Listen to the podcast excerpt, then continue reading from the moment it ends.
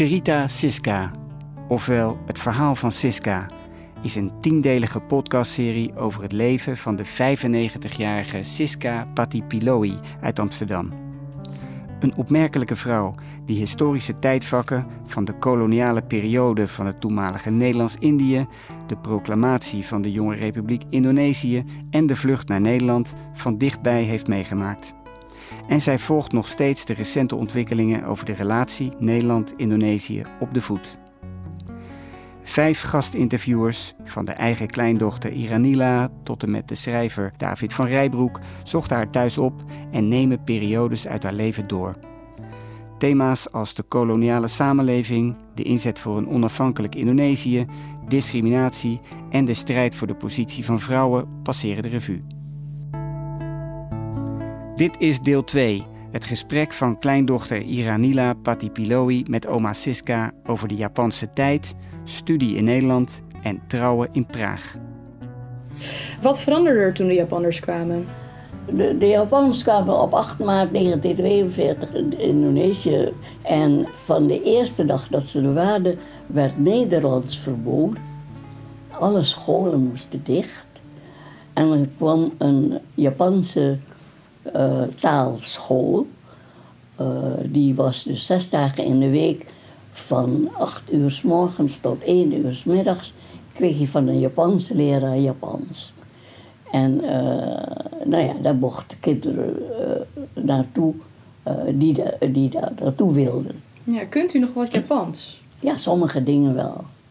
En maar, um, hoe was dat verder voor u? Want u was in het Nederlands opgevoed. Dus u moest, uh, kon u de lokale nee, taal? Nee, maar het, het gekke was van... Uh, dus ik ging eerst naar de Japanse school, maar dat duurde maar twee maanden. Dus alleen maar uh, april, mei. En toen zeiden ze... alle scholen moeten geopend worden van de kind, Vreubelschool... Of, de kleuterschool? Kleuterschool tot en met de universiteit. Moest openbaar in het Indonesisch. Okay. Dan kan je nagaan, we hadden natuurlijk helemaal niet zo vreselijk veel. Uh, voor de lagere school konden we wel leraren krijgen. Voor de, de middelbare school was verdeeld in SMP, de Schola Pertama, de, uh, een, eigenlijk een soort MULO. En de SMA, dat was de Schola Atas, dat was de, eigenlijk de AMS.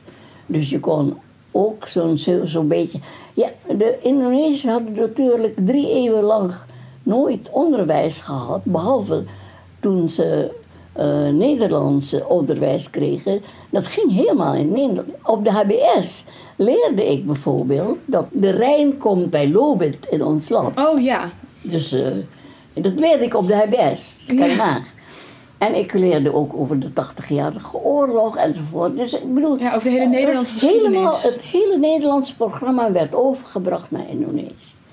Ja. In het Nederlands. Dus u leerde eigenlijk helemaal dat, niks over uw eigen cultuur? Ik dacht dat dat zo hoorde, dat dat zo was. Wat, wat weet je als kind? Ja, dat, dat, dat is op dat moment de norm. Ja, nou, maar toen kwam dus de... Van helemaal uh, verandering in 1920, toen was ik 16 jaar. Ik zat in de derde klas. En toen werd opeens de dus middelbare school geopend in het Indonesisch. En, uh, maar mijn vader was een ontzettend uh, geweldige, slimme man.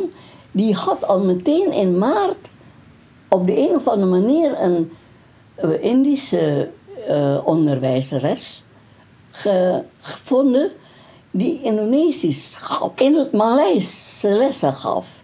Dus mijn broer en ik hebben twee maanden lang Maleis geleerd voordat die scholen geopend werden. En ik ging dus naar de uh, school, de, de, uh, de derde klas van de middelbare school. Dus die eigenlijk zo'n soort MULO. En dat was voor mij zo'n raar idee. Je was opeens evenveel waard in de klas als mijn, de leerling waar ik naast zat. Want iedereen was Indonesisch, hè?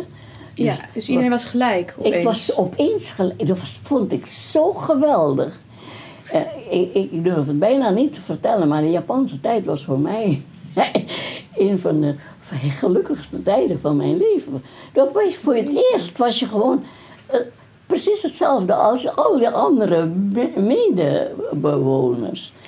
Eh, Dat was helemaal weggevallen dus. Eh, en dat is zo'n rare gewaarwording.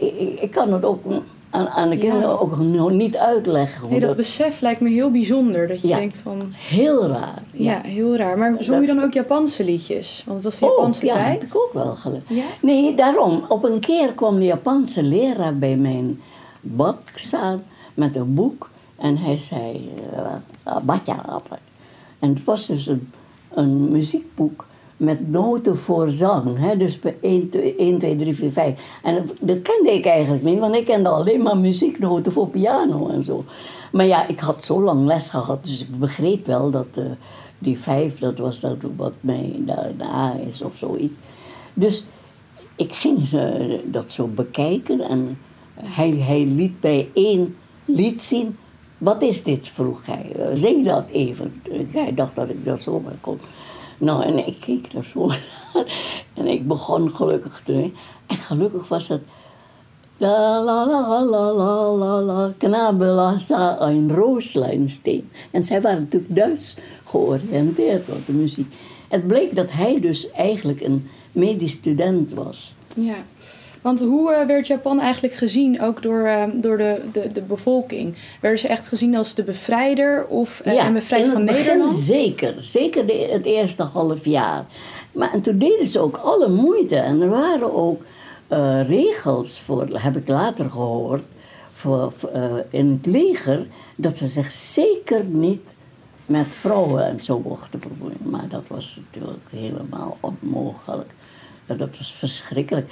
En eh, vooral toen ze begonnen te verliezen in het, eh, in het tweede jaar, toen gingen ze alle eh, rijst en alles en zo ging naar hun toe. Eh, wij kregen ook alles op de distributie meteen. Hè? Je kreeg dus eens in de, per, per eh, straat kreeg, eh, je dan een, een, een straatoudste eh, die, die eh, precies opgetekend had eh, wie er woonde en hoe, uit hoeveel mensen zo'n gezin bestond. En dan kon je eens in de, in de maand kon je dan naar het distributiekantoor en dan kon je zoveel kilo rijst krijgen. Eh, wat- En ehm, wat herinnert u zich van de capitulatie van Japan? Ja, dat was voor ons heel, heel spannend. Hè? Want er waren in de kranten wa- was er een bericht. Eh, eerst zouden wij eh, van de Japanners eh, de soevereiniteit overdragen kregen. En toen opeens de, na die Hiroshima-toestanden en zo, op 15 augustus hoorden wij opeens: Japan heeft zich overgegeven. En de Japanse militaire leider was wel heel erg eh toeschietelijk voor Sukarno en Hatta en zo. Voor, eh, want hij had al met hun afgesproken, ja, dan krijgen jullie de soevereiniteitsoverdracht en zo. Toen ze nog dachten dat ze zouden winnen. En dan zouden ze natuurlijk de, noem je dat, worden van Japan. Maar in ieder geval, toen zeiden ze nee, we zijn verslagen door de geallieerden. Jullie moeten zelf je eh, zelfstandigheid uitdoen. Wij hebben niets meer te zeggen. We kunnen het niet eh, officieel overdoen. Nou, wat, wat hebben dus de Bermuda's toen gedaan? Want Sukarno Hatta wilde eigenlijk, die dacht, want die hadden afgesproken, hoe komt een hele ceremonie met de Japanners en zo. Dus toen ze, en toen kregen ze eh, s'avonds, uh, de 15e, kregen ze bezoek van uh, jonge Indonesische Bermuda's. En die zeiden tegen en wij gaan nu, u moet nu de republiek uitroepen van Indonesië. Want uh, anders komen de geallieerden hier aan. Nou, uh, dat wilde Sukarno eigenlijk uh, maar niet. En toen hebben ze hun gehaald, van, want zijn ze weggegaan uit Jakarta naar een klein stadje buiten Batavia. En, of toen was het geloof ik al Jakarta. En toen zijn ze daar opgehaald door die bewoners. En in het huis van Sukarno, dat was toevallig in dezelfde straat die langs ons huis ook liep. Eh, dus het was heel vlakbij, die uh, uitroep van de, van de republiek. En 17 augustus, twee dagen daarna, hebben zij dus, Canada had er dus de republiek uitgeroepen. En um, twee jaar later ging u naar Nederland. En toen ging u studeren in Leiden. Wie besloot er wat u ging studeren? Heeft u zelf ik gekozen? Had gehoopt. Ik wou ook altijd architect worden. Want ik had ook de B-opleiding gedaan. En, en ik had ook goed cijfer voor wiskunde en zo. Maar toen zei mijn vader, daar komt niks van in. Je gaat drie jaar studeren. En hij had al lang met zijn vrienden... En hij had een hele goede Menanonese vriend. Uh, maar die ook op de een of andere manier toch Indo- en dus Europeaan was. En die was wel geëvacueerd naar Nederland met zijn kinderen. En uh, zijn tweede dochter was één jaar ouder dan ik en die studeerde Indisch recht in Leiden. En dat, dat, op die een of andere manier wist mijn vader dat, dus hij zei: Jij gaat Indisch recht studeren. En wat vond u daarvan? Ik vond alles goed. Oh, oké.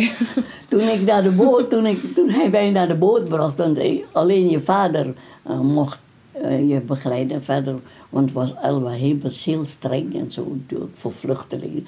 Dus uh, hij bracht mij. Maar toen ik boven aan de trap stond en naar beneden zou gaan en hij naar beneden, toen had ik zo'n beetje een, als je dat kan noemen, een eet afgelegd. Ik kom nooit meer terug in het ouderlijk huis.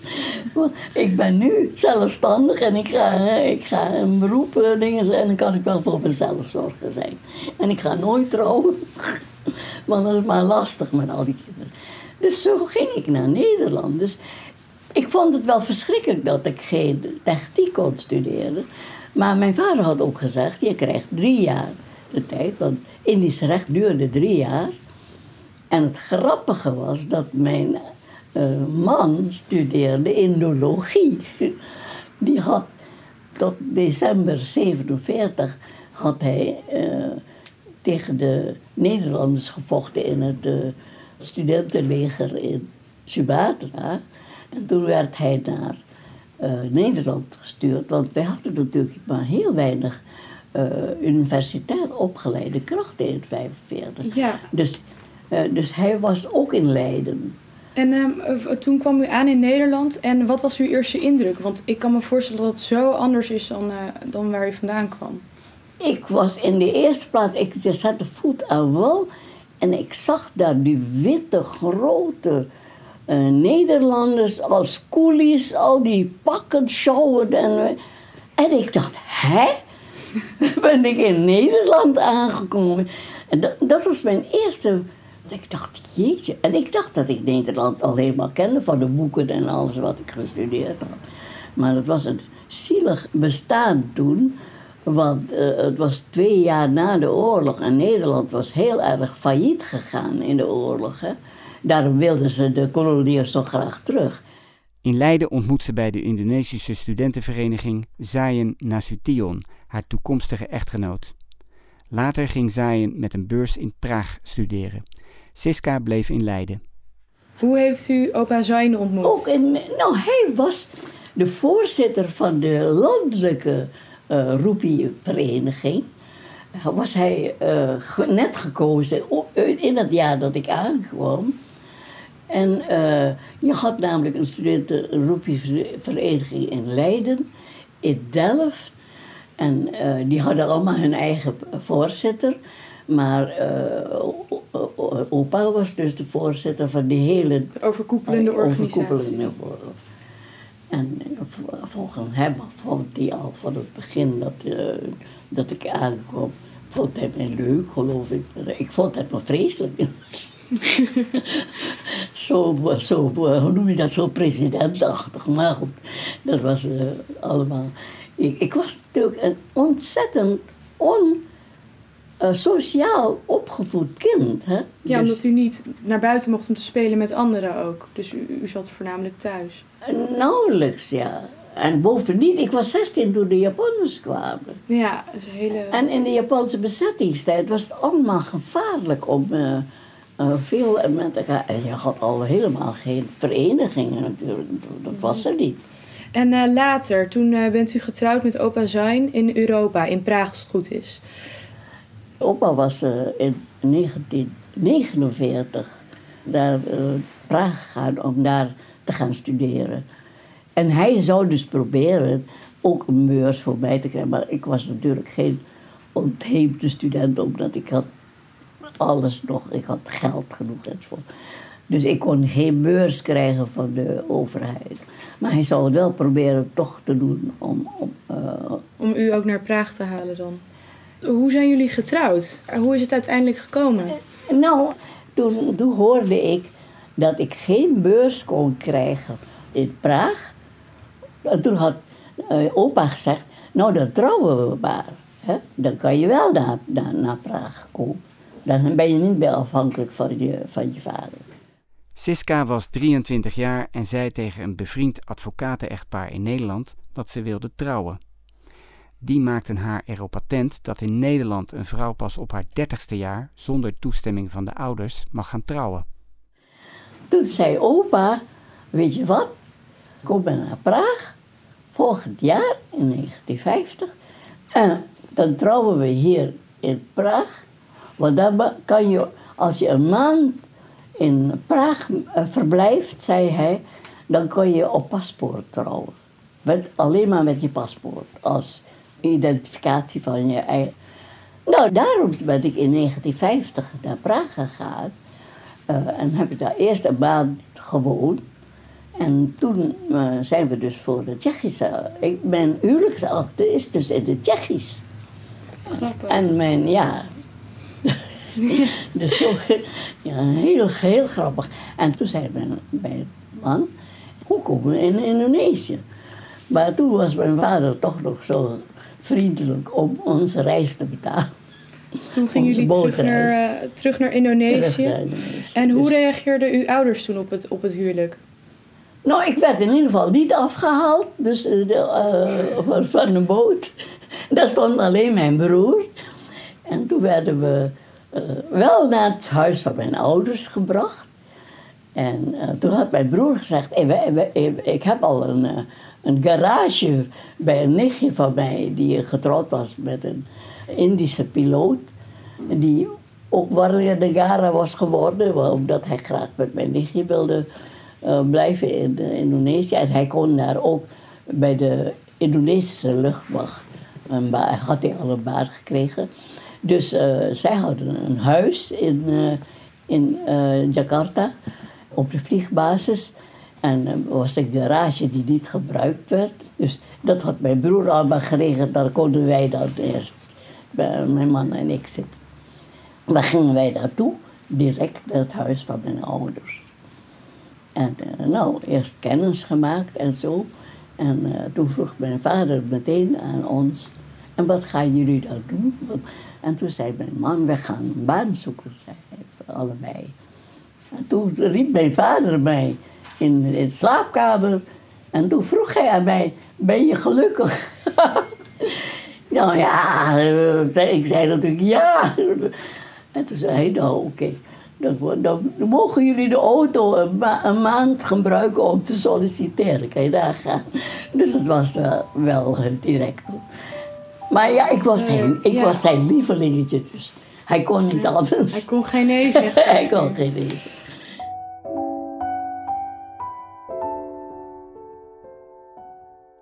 U luisterde naar een aflevering van de podcastserie Cherita Siska, het verhaal van Siska Patipiloi. Dit is een productie van stichting Cherita Facta, met interviewer Iranila Patipiloi. Opname Sam Jones. Eindmontage en nabewerking Guido Spring en Rob Gerritsen. Redactie Carol Burgemeesteren, Tino Patipiloi en Victor Jozef. Deze serie is tot stand gekomen met steun van het Fonds Collectieve Erkenning Indisch Molux Nederland. Meer informatie over Cherita Siska vindt u op www.cheritafacta.nl.